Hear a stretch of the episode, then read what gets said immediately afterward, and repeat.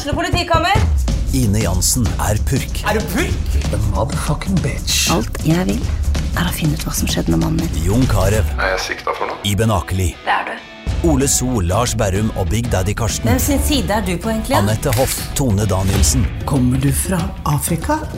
Jørnis Josef, Nesten. Kløfta. Trond Espen Seim, Det er synd å si det, men det var feil mann som døde. Purk.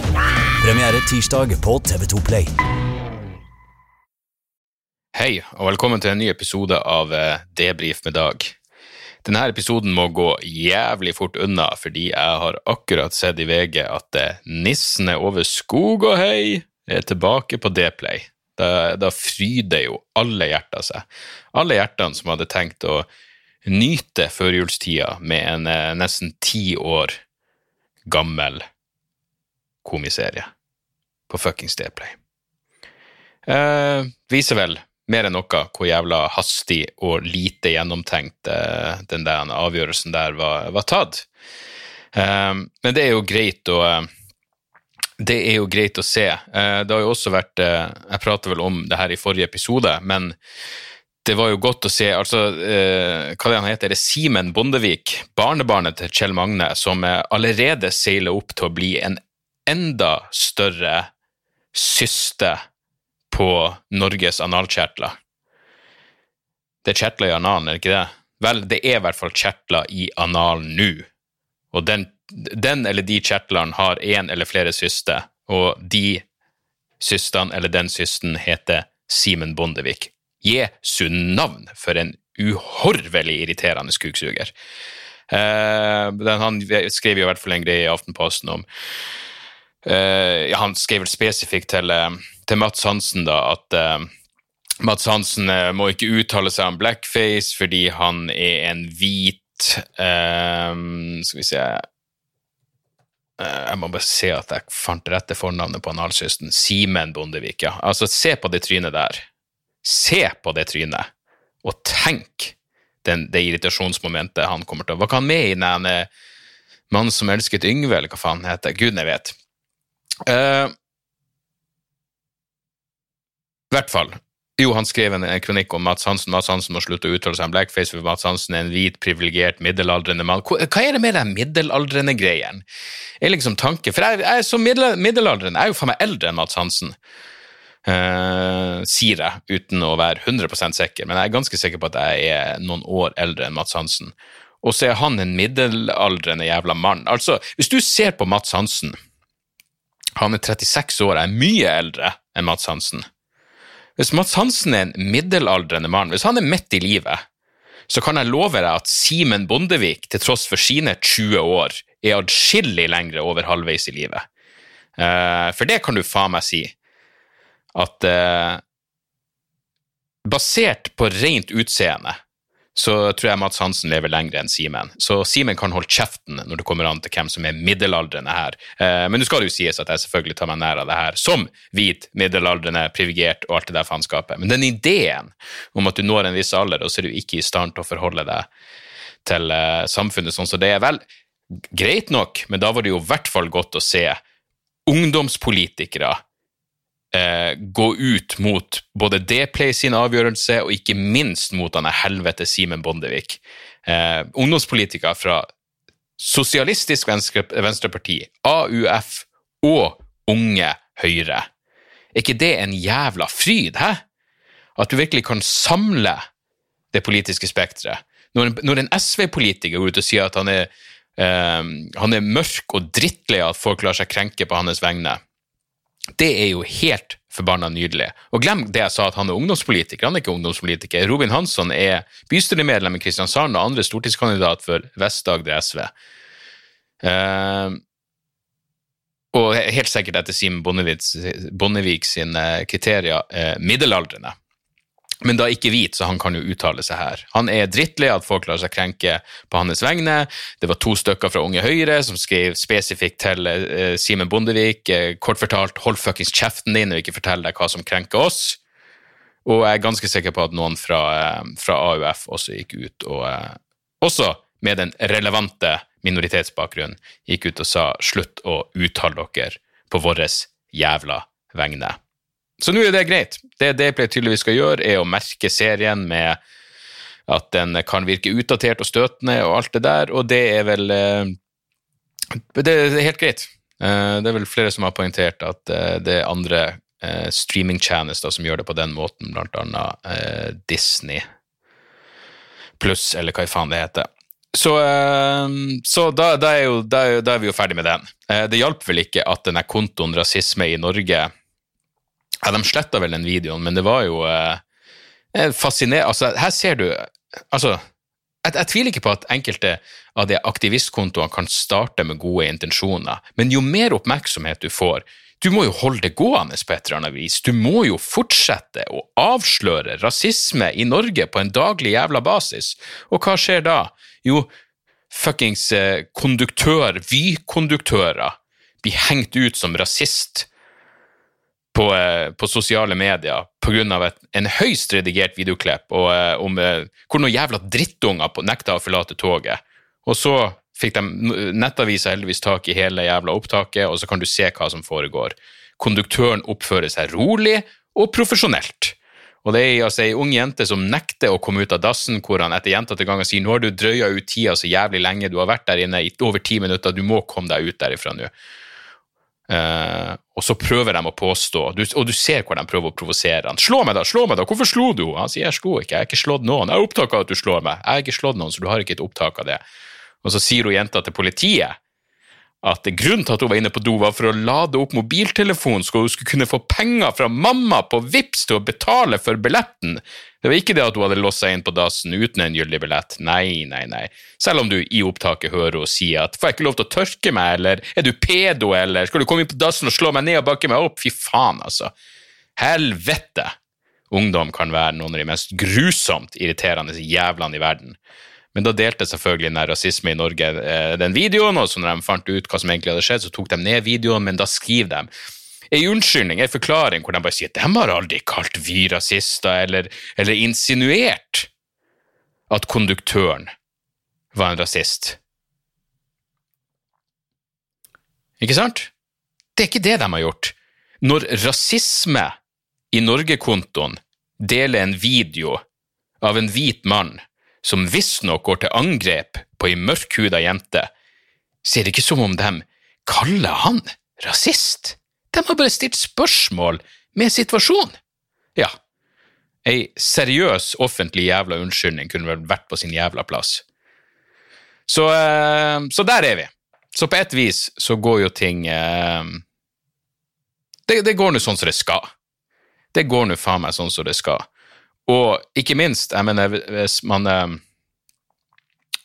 en, en, av de beste eh, innsigelsene mot den tida som er kasta bort på den blackface, eh, såkalte blackface-debatten, er, eh, er, jo at det tar fokuset bort fra kampen mot, eh, mot genuin eh, jævla rasisme.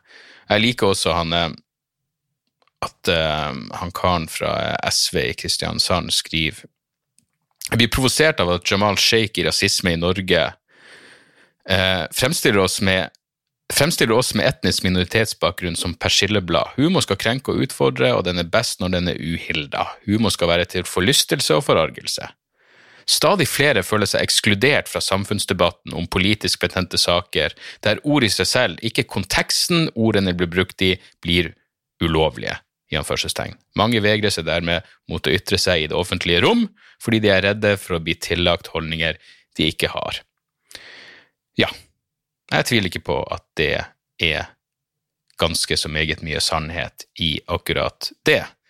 Eh, jeg vet ikke om det har noe med denne debatten å gjøre spesifikt, men eh, Norge er jo nå langt fra verdens beste land å bo i lenger, etter FNs si, kåring. Eh, ifølge NRK Norge har toppa FNs liste over utvikling nesten hvert år siden rapporten ble publisert første gang, men på en ny liste som også tar å, ja, klima- og miljøpåvirkning med i beregninga, kan ikke Norge lenger kalle seg verdens beste land. Jeg pleide å ha en vits hvor jeg sa Norge er gjentatte ganger det er verdens beste land å bo i Eh, etter undersøkelser utført av folk som ikke bor her. Men eh, nei, Norge, Norge stuper. Hvor langt nede havner vi egentlig?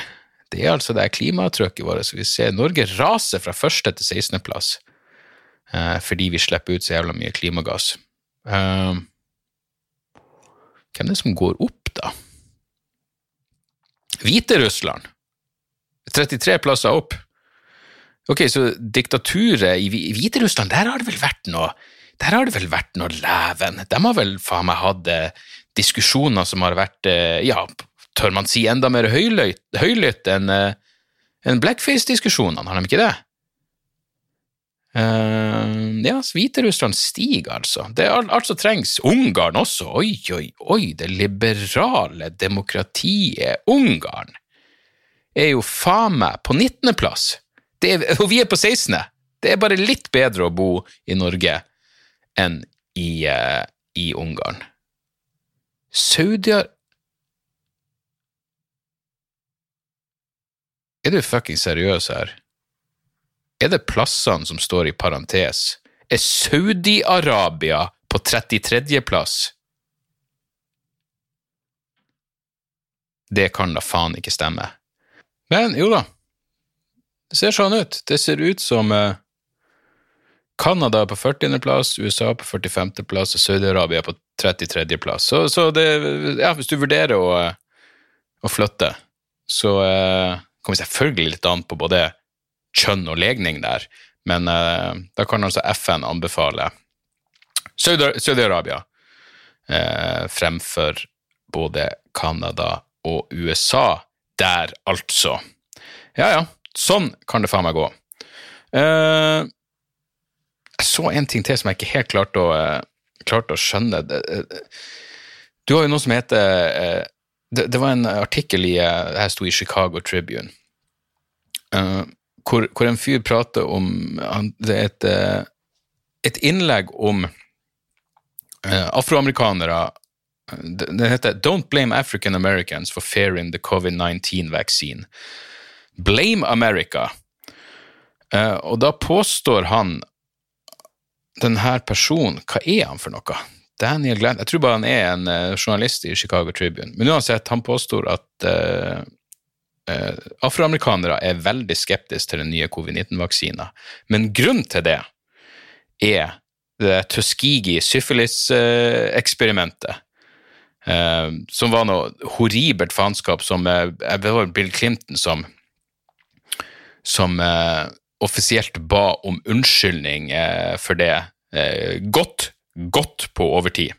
Men det pågikk altså mellom eh, skal vi se her, 1932 og 1972. Eh, og Det de da gjorde, var å uh, lyge til afroamerikanske menn som hadde syfilis, og si at de fikk uh, gratis helsehjelp fra, fra myndighetenes side, og så ga de dem bare ingen behandling for å se hvordan uh, syfilis uh, utvikla seg. Og ja, Wikipedia kaller det et et, en uetisk klinisk studie, ja, det er jo faen meg en slags forbokstav. Um, men det han er en Chicago Tribune-fyren åpner med å skrive, da, er at there aren't many African Americans who don't know about the Tuskegee syphilis study. Jeg tenkte det var en interessant påstand. Uh, jeg mener, jeg vil tro at det med god grunn er common knowledge, men jeg bare gjorde et sånn veldig raskt forsøk på å finne ut av det her, og da fant jeg en, uh, en studie fra Det er 2008. Eh, fra NCBI, hva faen er det? Ja, det her, det her er i hvert fall fra US National Library of Medicine. Um, NCBI Jeg må bare finne ut hva det er. National Uh, skal vi se National Center for Biotechnology Information. Ok, det virker i hvert fall uh, uh, stødig. Det er ikke fake news, der. Um, og det her er en studie om ja, hvor mye Hvordan kunnskap om det her horrible jævla Tuskegee-eksperimentet påvirker minoriteter sin villighet til å være med i biomedisinsk, biomedisinske undersøkelser. Og da står det at um, Skal vi ser her at i forhold til hvite, så var svart, svarte nær, nær, nearly four times as likely to have heard of the Tuskegee syphilis study. Fire ganger så mye, det høres jo rimelig ut. Men spørsmålet er jo da, hvor, hvor mye vet hvite om det? Hvis du vet fire ganger mer enn hvite, så kommer det veldig an på hvor mye hvite eh, vet om det i utgangspunktet. Men det er nå greit. La oss si at de fleste svarte vet om dette eksperimentet. Påstanden er da at den kunnskapen gjør at, her, at, at svarte amerikanere nå er er skeptiske til covid-19-vaksiner pga. det her syfilis-eksperimentet som pågikk 30-, 40-, 50- og 60-tallet. Da er det jo veldig interessant uh, at denne studien da konkluderer med at selv, selv om mange afroamerikanere vet om Tuskegee-eksperimentet, så påvirker ikke det deres villighet til å være med på såkalte biomedisinske eksperiment. Faktisk, til tross for at de vet om Tuskegee-eksperimentene, så var altså eh, svarte amerikanere to til tre ganger mer villige til å bli med på biomedisinske studier. Er ikke det interessant? Så hvordan i faen kan da Tuskegee-eksperimentene forklare at mange afroamerikanere er skeptiske til covid-19-vaksiner. Det må da være noe annet som spiller inn her, og det er vel også grunnen til at det ikke er noen jævla fotnoter eller linker i den Chicago Tribune-skriveriet. Eh, Fordi det her kan jo umulig stemme. Det henger jo faen ikke sammen i det hele tatt. Det virker bare som en sånn nedlatende. Eller det er sikkert pga. det gamle syfiliseksperimentet, så har de god grunn til å være skeptisk. Ja, de har absolutt god grunn til å være skeptisk. Det var horrible fuckings saker. Men det er jo tydeligvis ikke det som spiller inn når det kommer til vaksineskepsis i 2020. Så eh, ja, uansett. Det er nå der. Hvem bryr seg om de her tingene? Eh, hvem bryr seg om de her tingene når Sofie Elise klina med noen og la det ut på Instagram i helga?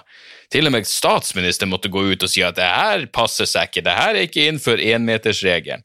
Jeg måtte legge ut på Instagram at, nå er Fermis paradoks omsider forklart. Altså Fermis paradoksen er ideen om at uh, hei, hvor, hvor, er alle romvesenene? Hvorfor kommer de ikke på besøk? De må jo være der ute. Statistisk sett så burde de være der ute, og da burde vel faen meg sett noe til dem også. Nei, det er nettopp på grunn av at Dagbladet og VG og hvem faen enn gjør et jævla hovedoppslag om at denne fuckings nautet klina med ei dame på fest. Det er derfor, Eilinsen, de gidder ikke. De orker faen ikke det her.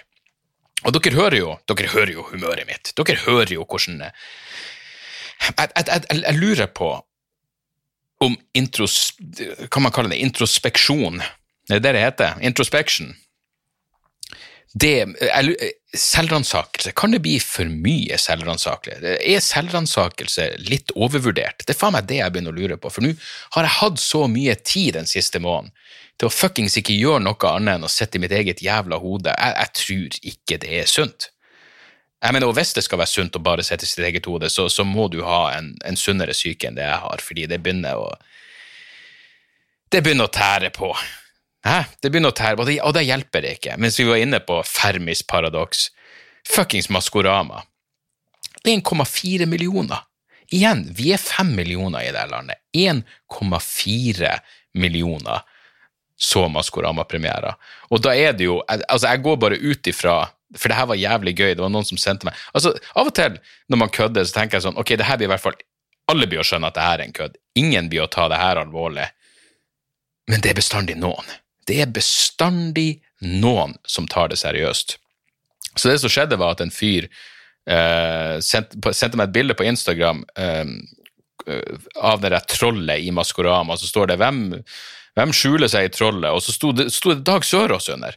Det, det, må jo være at noen bare har skjønt at det høres ut som en morsom jævla Altså, av alle usannsynligheter, hvem er det mest usannsynlige at det skulle være?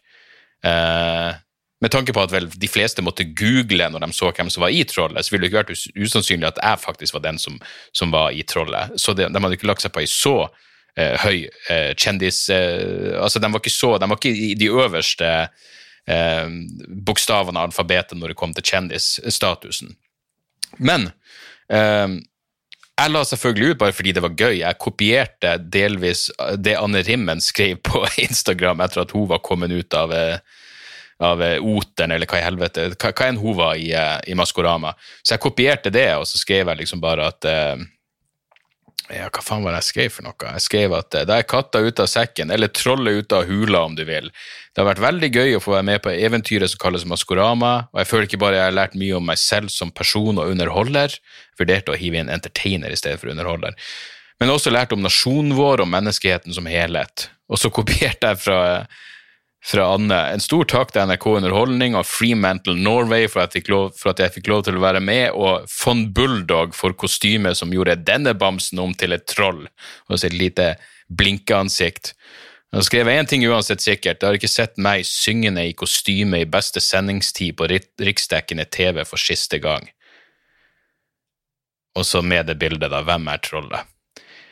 Og da skulle du jo virkelig tro at det fins da faen ikke den skapning på moder jord som ikke skjønner at det er en kødd. Altså, du trenger ikke å kunne norsk for å skjønne at det er en jævla kødd.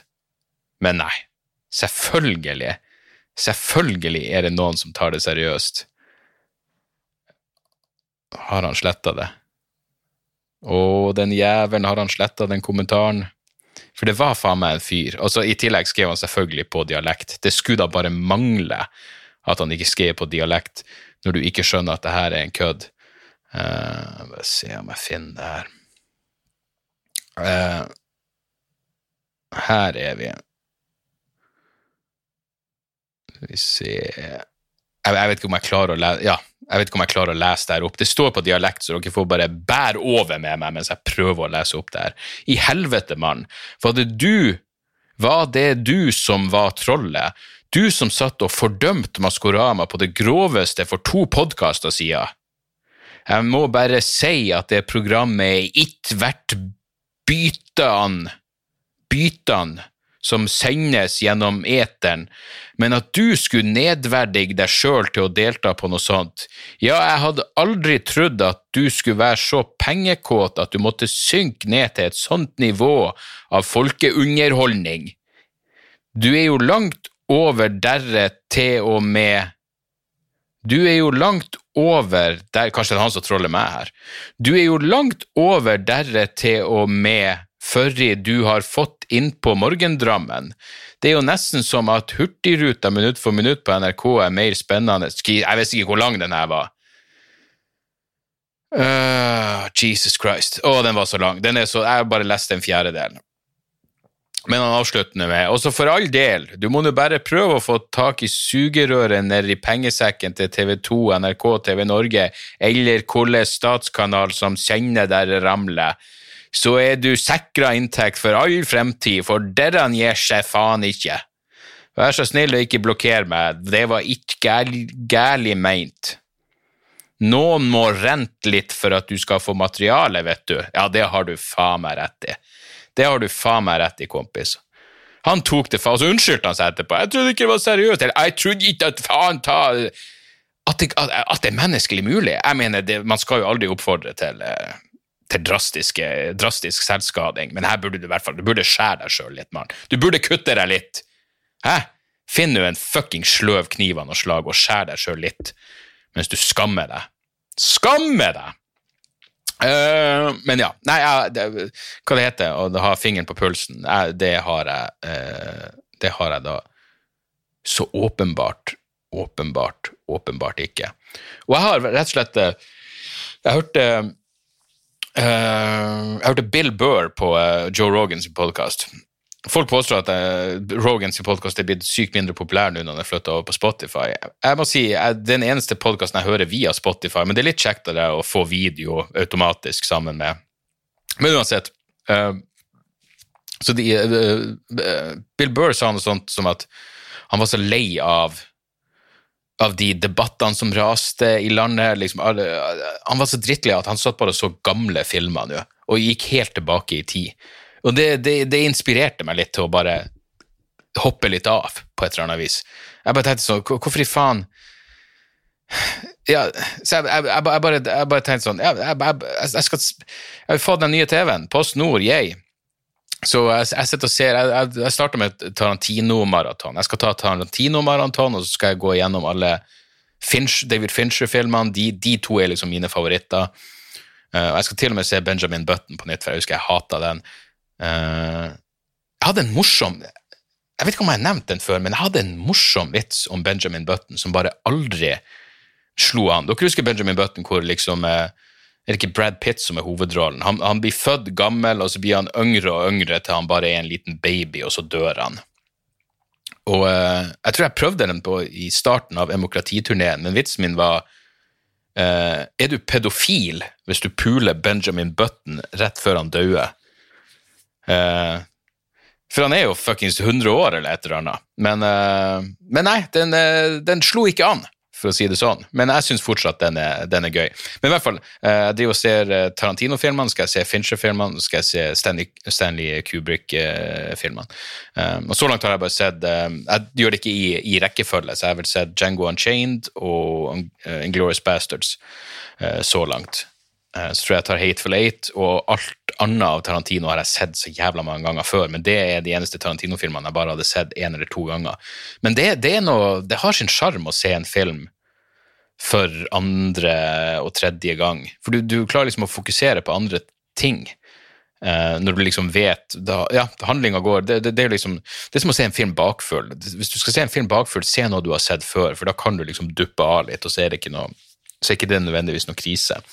Men um, det er blant annet ei scene, liksom bare en sånn lita scene i Django Unchained som er så jævlig kul, hvor, hvor han, uh, Jamie Fox skyter Don Johnson. Don Johnson uh, prøver å stikke av på en hest, og, og, og filminga uh, Tarantino bare filmer beina på hesten som springer, og så hører du skuddet, og så ser du at det kommer blod på hesten, så du eh, og at, hesten, at eh, beina gir litt etter, så du tenker liksom faen, skjøt han hesten?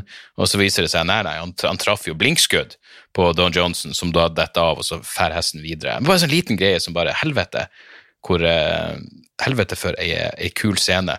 Og så i tillegg, da uh, For jeg, jeg, husker virkelig uh, Django Unchained jævlig dårlig, men han er Christoph Waltz, som spiller Dr. King Schultz i Django Unchained, han som liksom hjelper Jamie Fox sin, sin karakter til frihet, og så blir de liksom en, et bra team. Jeg husker jeg, jeg sitter og ser han i Django og tenker faen, han er, han her fyren er så jævla likende. Jeg begynte å finne han på Instagram og følge han på Instagram og tenkte bare han her er jo en helt en nydelig type. Han er, han er jo så nydelig fyr at jeg kan ikke se for meg at, at, at liksom, han, han, han, virker som en så fin fyr at jeg kan ikke se for meg at han spiller en bad guy. Jeg tenkte seriøst det.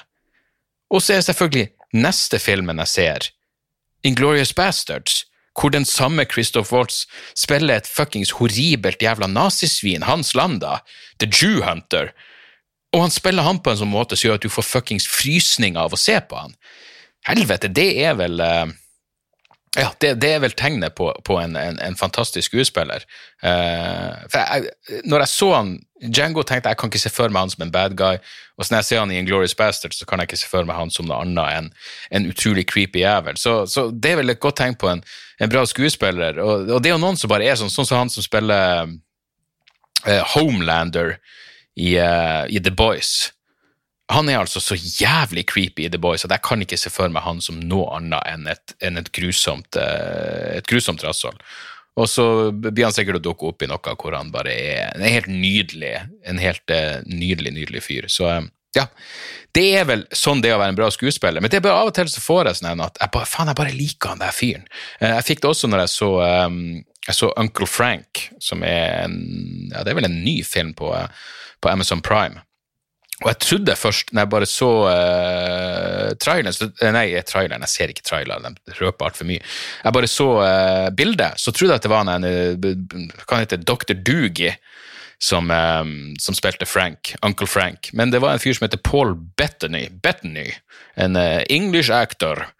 men denne karakteren hans i Uncle Frank er bare så Ja, han er bare så likende. Jævla likende. Han er liksom en en eh, homofil mann i, eh, som vokste opp i fucking sørstatene på ja, 50-tallet eller noe sånt. Så det er jo en sånn klassisk eh, eh, komme ut av skapet foran din homofobe familiehistorie, som ja, Den blir litt sånn ja, litt banal på slutten, kanskje, men fortsatt, fortsatt eh, verdt å se. Og eh, det, det er jo feel good på, eh, på, på mange måter. Tragisk og feel good, men eh, Men ja, hva var poenget mitt? Poenget mitt er at det, det, det finnes tydeligvis gode skuespillere der ute. Uh, så ja, en ting jeg, jeg, hørte også et, uh, hørte et intervju med Nå merker dere jeg bare snakker om andre ting. Vanligvis når jeg gjør podkast, så kan jeg jo snakke om hva jeg har gjort i det siste. Jeg har ikke gjort en fuckings dritt! Jeg har ikke gjort noe! Så jeg, bare, jeg, jeg må bare prate om ting jeg har lest eller sett, fordi det er det jeg har gjort. Jeg har lest og sett ting. Og så har jeg sittet og hata meg sjøl i mitt eget hode. Og det er jo jeg, jeg, jeg, bare, jeg, jeg, jeg vet ikke hvor optimistisk jeg tør å være i forhold til til eh, I hvert fall når det kommer til januar, de showene i januar. I hvert fall Oslo i januar. Faen, altså. Jeg tror det skal mye til for, eh, for at det blir noe av eh, de showene på Rockefeller, altså. Det er jo fire show. eh, 16. og 17. januar. Um, nei, jeg, jeg tror det skal mye. Etter at jeg så pressekonferansen i dag, og ja, det kommer vel noe det det her sier jeg på tirsdag, men det, det kommer vel noe uttalelse fra Raymond Johansen i, i morgen, vil jeg tro. Um, ja, nei, jeg syns ikke det ser lyst ut for akkurat det, men jeg håper ja, Uansett hva som skjer, så må vi få gjort, eh, få gjort eh, vrangforestilling i Oslo i løpet av før sommeren. Eh, men eh, vi må bare vente og se. Men det er litt sånn eh, faen, altså. Eh, men jeg håper jo at jeg får gjort eh, håper selvfølgelig jeg får gjort alle showene, men, men i hvert fall at de er åpna opp for i det minste 200 på, i Hønefoss og eh, ja, hvor faen enn. eh, hvor jeg skal ellers. Jeg tror det er sånn i nærområdet. Jeg vet jeg har Stavanger 30. januar, men det er sånn eh, Jessheim og vi ser det, det er Hønefoss 15. januar, så er Rockefeller 16. og 17. Ullensaker, yes, Ullensaker, Ullensaker kulturhus 22. januar, og Blå grotte i Fredrikstad. Den, elsker den plassen. 23. januar, og så er det Stavangeren 30. januar. Så, så vi, vi, vi får se. Det blir nå eh, det blir nå det det blir, og sånn som det blir. Begynner jo å bli vant til Det virker nesten helt absurd å tenke på at man på et eller annet tidspunkt bare satte opp show, og så da visste du at da ble det da. Og det, det blir nå. Hvor enn mange billetter du klarer å selge. Ehm, så ehm, Ja, nei, vi får se, men, men det, det blir litt sånn Ja, jeg vet, jeg vet da faen. Jeg vet da faen. Men alle billettene til eh, til, og det er jo lys igjen av tunnelen, for faen. Det er jo ingen tvil om det. Eh, Det ser, jo, det ser vel bra ut på eh, vaksinefronten. Det virker som om sjansen for å bli alvorlig syk hvis du får covid nå, er Sjansen for, er, er, for å bli alvorlig syk er mindre nå enn den var i, i starten, så, så, så alt det der lover jo bra. Og um, nå ligger billettene til alle showene utenom Bergen. Har, Ole Bull har ikke klart å få det ut fingeren enda, men um, det skal bli 12. og 13. februar i Bergen. Bare vente på uh, at de skal legge det ut på hjemmesida mi. Men uh, alle de andre showene, Uh, og med alle de andre showene, uh, så mener jeg første halvdel av 2021. Hønefoss, Oslo, Jessheim, Fredrikstad, Stavanger, Moss, Skien, Bergen, Finnsnes, Harstad, Bodø, Tromsø, Steinkjer, Levanger, Trondheim, Ålesund, Stavanger igjen, Honningsvåg, Hammerfest og Ski. I tillegg til Sandnessjøen 18.9. De billetter til de showene eh, ligger nå ute. Så vet dere det. Men jeg hørte et intervju med Jerry Seinfeld på Tim Ferris sin, sin podkast. Seinfeld har i bok som kom ut for ikke så, lenge siden, som heter Is This Anything? Jeg har ikke lest den, men Seinfeld prater om liksom sin skriveprosess, og så sier han ja, men du må skrive hver dag. Man setter seg ned hver dag og skriver. Skriv hver dag. Og jeg bare tenker, hvordan i helvete kan du gjøre det samme standup-materialet i ti fuckings år hvis du skriver hver dag?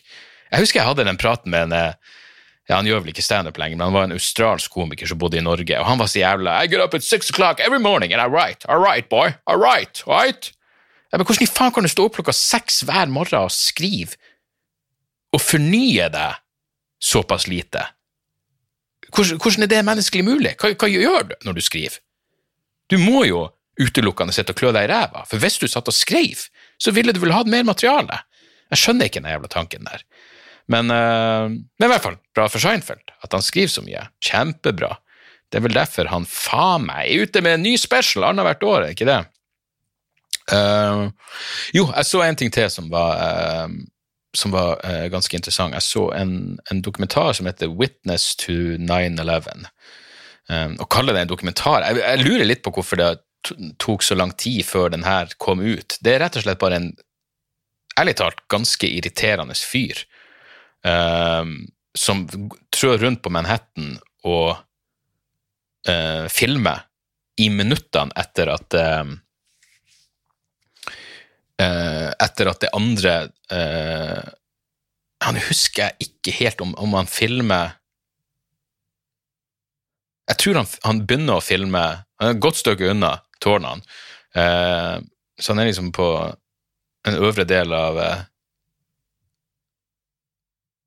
jeg vet, jeg vet faen hvor på Manhattan han er, men han, han filmer i hvert fall det første tårnet. Så tror jeg han bare filmer lamslåtte folk, sjokkerte folk, og så treffer det andre flyet og så går han bare rundt og prater med folk. Og det er tydelig at han også er sånn halvveis i sjokk sjøl og bare stiller dem How you feeling? What's going on? Men det som er så jævla interessant å se, er de som skjønte med en gang hva som foregikk. For noen folk er jo, er, er jo forstår de nok i sjokk, og så begynner liksom rykter, og det er så interessant å se hvordan ryktene sprer seg, for nå, det her var jo før eh, liksom alle hadde en eh, ja, det var, det var, påfallende lite mobiltelefoner, og i hvert fall ikke smarttelefoner. Men, men ryktene begynner jo plutselig å spre seg om at folk driver og hopper ut fra, fra tårnene, at det er fuckings horrible eh, ting som foregår. Så folk begynner jo å gråte og bryte sammen. Um, og så, ja, når tårnet detter ned det, det, det, er ganske jævlig å se på, men også fascinerende, fordi, fordi noen er åpenbart i sjokk, men noen tenker klart, og, og flere skjønner hva som foregår. En fyr sier bare ja, det her er bin Laden. Ja ja, det er jo det her vi har gått og venta på fra Al Qaida, er ikke det? Og en fyr sier faen, jeg er spent på hva, hva reaksjonene eh, Hvordan vi kommer til å slå tilbake nå. Jeg er spent på Jeg tror det her er et, et, et, et, dårlig tidspunkt å ha George W. Bush som president på. Liksom Folk klarte å tenke så jævla klart. Jeg er ikke sikker på at jeg ville klart det, og tenkt så langt fremover. Men um, Og så er det også rart, fordi du, du ser hvor fort rykter sprer seg. Folk begynner plutselig å prate om at eh, Det hvite huset angrepet, de har angrepet Supreme Court, eh, de har angrepet Sears Tower eh, i Chicago, er det vel. Det er plasser, og det har vært noen bombinger på undergrunn i LA. Altså, det blir en masse Det er en coaty situasjon, og det begynner å spre seg en masse rykter om terrorangrep som, som ikke har skjedd. Men det gjør jo at alle føler seg enda mer utrygge, for hva blir det neste som skjer? Så Samtidig så er det et eller annet ja, samhold i å se folk i en sånn situasjon. Og jeg er jo selvfølgelig jeg mener, 9-11 var jo liksom hva man skal kalle det, min slags øyeblikk som gjorde at jeg ble veldig si, opptatt og opphengt og interessert i, i, i krigen mot terror og amerikansk, ut, amerikansk, utenrikspolitikk, og selvfølgelig krigen mot terror etter hvert, og alt det der. Eh, det starta jo liksom med, med, med 9-11, så jeg er jo eh, ja, over gjennomsnittet opptatt av og fascinert av, av akkurat de der hendelsene. Men, um, men, akkurat denne dokumentaren ga det et unikt perspektiv. Og bare som, på sånn rent som mellommenneskelig psykologisk nivå så er det veldig interessant å um, ja, og, og, liksom bare se hvordan, um, hvordan forskjellige folk uh, hvor, hvor, forskjellige folk reagerer når det foregår noe, noe traumatisk. Så, så, det må nesten bli Witness to 9-11 må nesten bli tipset. Jeg har, eh, jeg har som sagt ikke noe, noe annet. Det har roa seg på det har roa seg på uh, musikkfronten også. Så jeg har liksom ikke noe sånn uh, spesielt. Jeg hørte på den siste skiva til Satan's Fall, som heter Final Day. Uh, som høres Ja, det er tradisjonell heavy metal. Det er tydeligvis det humøret jeg har vært i det siste. Det er tradisjonell metal fra, eh, fra Finland, men eh, absolutt verdt å, eh, verdt å høre på. Verdt å sjekke ut. Utenom det som jeg, jeg må bare gratulere koronaen som årets ord. Koronaen. Jeg har aldri før sagt høyt koronaen. Koronaen i bestemt form. Hvem i helvete er det som sier koronaen? Vi har alle sagt korona mer enn nok ganger og fuckings i disse koronatider er vel det verste jævla eksempelet. Men uh, altså eksempel på noe som bare ble så jævla overforbrukt. Uh, jeg hadde, jeg hadde trodd det skulle bli noen sånn kohort eller et eller annet, men nei. Språkrådet har altså kåra koronaen i bestemt form til, eh, til, til årets ord. Og eh, det har jeg bare ingen jævla forståelse for i det hele tatt. Og ærlig talt, helt ærlig Nei, jeg skal ikke gå så langt som å si at jeg føler meg krenka, men uh, vi ser årets liste koronaen, holde meteren, statsforvalter, lyshare, hva er det her? Nødlandslaget, flate ut kurva, melaninrik, melaninrik er et av årets ord, sprite, kronerulling, kohort.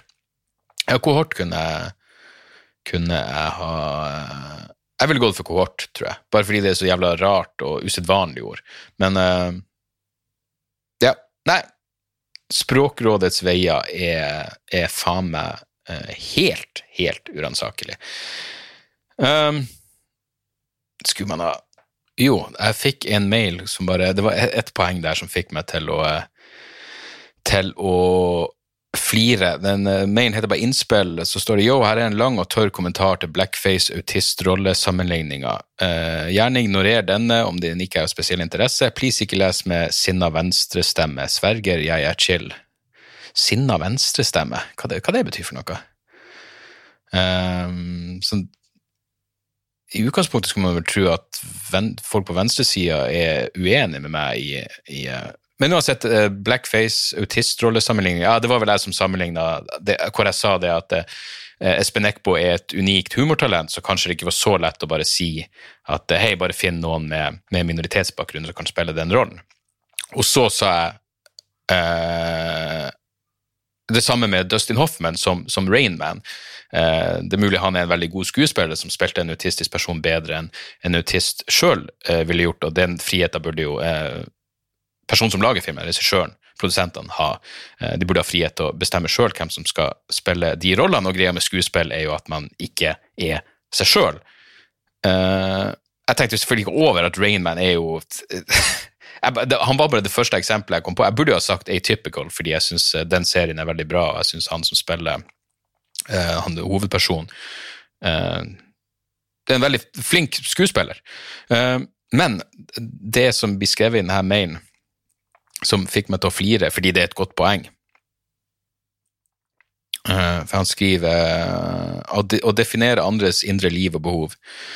For en gruppe som sliter med Det er uh, snakk om autister, da. Så skriver han ja, det, han skriver, det jeg skrev om at Rainman forhåpentligvis førte til mer forståelse for folk med autisme. Da skriver han, han her karen, som skal få forbli anonym etter eget etter eget krav. Han skriver Come on. Det, det, altså, ideen om at Rainman uh, gjør at folk forstår autister bedre, skriver han Come on. Det er på linje med at jeg endelig får litt mer forståelse for deg som hvit mann i din alder, etter å ha sett noe med Adam Sandler. At det gir innsikt i dine tanker og behov. Den fikk meg til å flire. Det var et, det var et, uh, det var et godt poeng.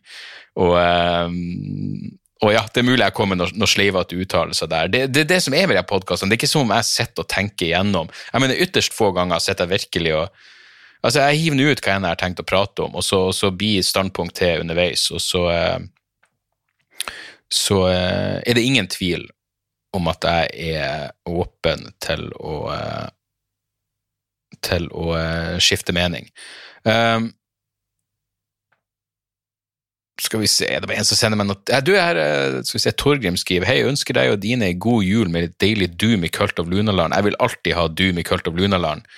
Uh, han tipser om Vile Creatures, Harbinger of Nothing og Insect Ark med skiva te eh, Tectonic. Så uh, takk for tipset. De skal jeg sjekke ut. Uh, ja det, var, det, det, er noen, det, er en god del av mailene som egentlig ikke har noen konkrete spørsmål, som jeg setter, uh, setter stor pris på, men um, Men det er liksom ikke noe som jeg kan um, En spør om jeg har sett noe av Steve-O sine comedy specials. Det har jeg ikke, og det kunne ærlig talt ikke helt falt meg inn. Um, lurte på om du har sett noe av Steve-Os comedy specials. Hva syns du om de? Jeg lurte også på om det er mulig å ordne billetter til Oslo-showet ditt 17. januar. Fyller 21 år den dagen og hater bursdager, men har aldri fått sett deg live, så det hadde vært den feteste måten å feire på. Skjønner godt det kan være vanskelig, om ikke umulig. Ja, det er både vanskelig og umulig. Så, altså, spør du om jeg kan gi deg billetter til showet som har vært utsolgt i et halvt år fordi du har bursdag? Nei, det, det, det kan jeg ikke. Og jeg har ikke gjesteliste heller eh, på de showene. Og for å være helt ærlig, så, eh, så tror jeg ikke det hadde vært eh, aktuelt. Men eh, gratulerer med dagen uansett. Um, ja, det er flere som har skrevet til meg i dag. Eh, flere har påpekt ja, altså, Kari Jakkesson, jeg, jeg, prater om henne i showet, og jeg gidder ikke å uh, legge noe mer Noe mer uh, akkurat, akkurat i henne. Jeg bare prøver, prøver å se på de tingene de mailene som, er, som jeg ikke har åpna. Hei, har du noensinne vært i Måløy? Det, det, jeg vet da faen Måløy? Er det der alle tar Er det der alle tar livet, altså? Er det Meløy? Måløy? Da må jeg faen meg google. Måløy er en by i Nordfjord i Vestlands fylke, Florø. Jeg, jeg, vet, vet du, jeg tror jeg har vært alle de mest deprimerende jævla plassene i Norge. Eh, så det skulle ikke forundre meg om jeg noen gang har vært eh, på Måløy. Men eh, det ringer ingen, ingen bjelle. Det må jeg bare ærlig innrømme. Nå googler Dag Sørås Måløy, og det kommer ikke opp noe som har med det å gjøre. Så, så nei, ingen anelse. Ingen jævla anelse om akkurat det. Da var den besvart. Uh, se her, her går det jo faen meg unna. Noen tipser meg om uh, Munchausen Eller la oss ikke spoile det. Du, du, du, kan ikke tipse meg om noe, og så, og så tipse meg om uh, en liten, men nødvendig spoiler. Ja, ok. Men ja, jeg har sett miniserien Sharp Objects på HBO. Jeg syns den var veldig bra. Og jeg er helt enig med deg i at det er et eh, veldig eh, interessant eh, tema. Men jo, her forresten Han skriver jo også jeg og kona storkoste oss på showet ditt i høst. Så deg ved en tilfeldighet når du gjorde en gig på Stereofestivalen. Var spent på om de var ut var spent på om de var et publikum for deg før du starta, men det gikk jo over all forventning. Når du tenker å gjøre igjen? Uh, ja, det var jo den eh, stereofestivalen i Trondheim. Ja, Det var dritgøy. Det skulle jeg gjerne gjort igjen. Det var jeg og Jan Tore. Og jeg var også jævlig spent på hvordan det kom til å være å ha standup på en musikkfestival klokka ja, det var sånn klokka seks på ettermiddagen i fullt jævla dagslys. Men eh, det gikk over all forventning og var dritgøy, og jeg skulle, jeg skulle, gjerne ha gjort det igjen. Og det var virkelig, virkelig en uh, fest La oss bare si dagen etterpå var røff. Men det var, det var jævlig gøy. Uh, så skriver han også hørt på podkasten lenge, mye bra utvikler seg stadig til det bedre. Du er blitt litt mindre aggressiv, Tenk på alderdom. Håper du holder piffen fremover, for det blir en helt nødvendig humoristisk innslag og et aldri så lite korrektiv til ting som ikke henger på greip i mediepolitikken nye hverdagen vår. PS knødde meg omsider til å opprette Patrion-konto og støtte dem en slant. Vel fortjent. Oi, takk for det! Hadde jeg fått med meg at du var Patrion-støtter fra starten av, så ville jeg jo ikke kritisert deg i begynnelsen. Uh, men uh, ja, jeg tror mindre aggressiv. Jeg, jeg, føler ærlig talt ikke at jeg noen gang har vært så jævla aggressiv. Uh, det der evinnelige skillet mellom, mellom sint og engasjert, og jeg har nok en tone men det her er jo en evig jævla debatt i, i familielivet også, hvor både Sander og fruen kan si til meg må du ikke være sint, og jeg bare jeg er virkelig ikke sint. Det er bare fuckings, Sånn her høres stemmen min ut. Uh, det, er, det, det, det er lenge mellom hver gang jeg er sint. Eh, men hvis jeg blir litt oppildna og engasjert, så høres jeg kanskje sint ut. Det er rett og slett et eller annet med toneleie, kombinasjon av toneleie og uh, hvordan enn stemmen min høres ut. Uh, og forhåpentligvis en av de tingene har ikke jeg kontroll over, og derfor høres jeg aggressiv ut når jeg ikke mener å være det. Men uh, jeg er vel, som så mange andre, blitt litt mer blitt litt mer chill uh, med årene. Det er vel ingen vei utenom. Og, uh, og amen for det. Jeg tror det er sunt for både, både pulsen min og for, eh, for omgivelsene. Men ja, det, det, var det. Det kommer en, eh, en bonusepisode for Patrion eh, etter planen på fredag. Og i dag har jeg faktisk med Patrion-penger så har jeg bestilt eh, en, en, en, ny mikrofon og mikrofonstativ og gain og alt det der. Fordi jeg, jeg, jeg prøver å se lyst på fremtida og tenker at eh, det kommer en post-covid-verden hvor jeg faktisk kan ha gjester her på kontoret mitt. Um, så jeg mener det, det, det, si, det, her kommer alltid til å være en, en monologpodkast, men jeg har lyst til å gjøre litt uh, når, når, ting blir normalt igjen, så, uh, så er planen å ha litt mer, uh, litt mer gjester. Og da er det jo jævlig kult å av og til kunne invitere folk hjem, og så kan vi slå av en prat over en, over en liten hva enn vi skulle føle for. Mens vi snakker sammen ansikt til ansikt. Så, så det blir digg å, å få på plass. Så der fikk vi ei positiv vinkling på eh, de siste sekundene av denne episoden. Men takk for at dere hører på. E-mailadressen er debrifpodkast.gmail.com. Jeg er på patrion.com slash dagsoras. Det viktigste er at dere bare hører på. Spre gjerne ordet videre. Det settes pris på. Vi høres snart igjen. Tjo og hei. Moderne media. Da er det reklametid, og ukens annonsør er fiken. Hør her, jeg, jeg, jeg avskyr ordet regnskap. Ordet regnskap eh, gir meg assosiasjoner som er uhyggelige. Det får meg til å tenke på andre uhyggelige ord som ettersyn og underlivsundersøkelse. Men regnskap er et nødvendig onde, og fiken er et så enkelt regnskapsprogram at selv jeg kan klare å ha kontroll på finansene hvis jeg bruker det. Eh, du kan registrere kjøpene dine bare med å ta et bilde av kvitteringa med appen, og så kan du bare hive, hive kvitteringen. Hvor nydelig kan det bli?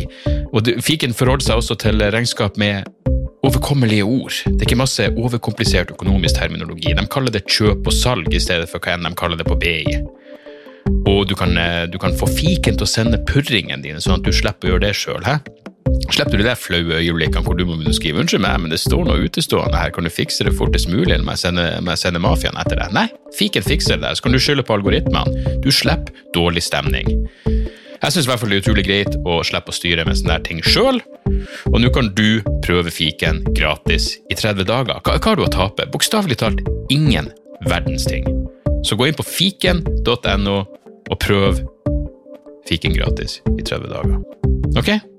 Det var det så vanskelig.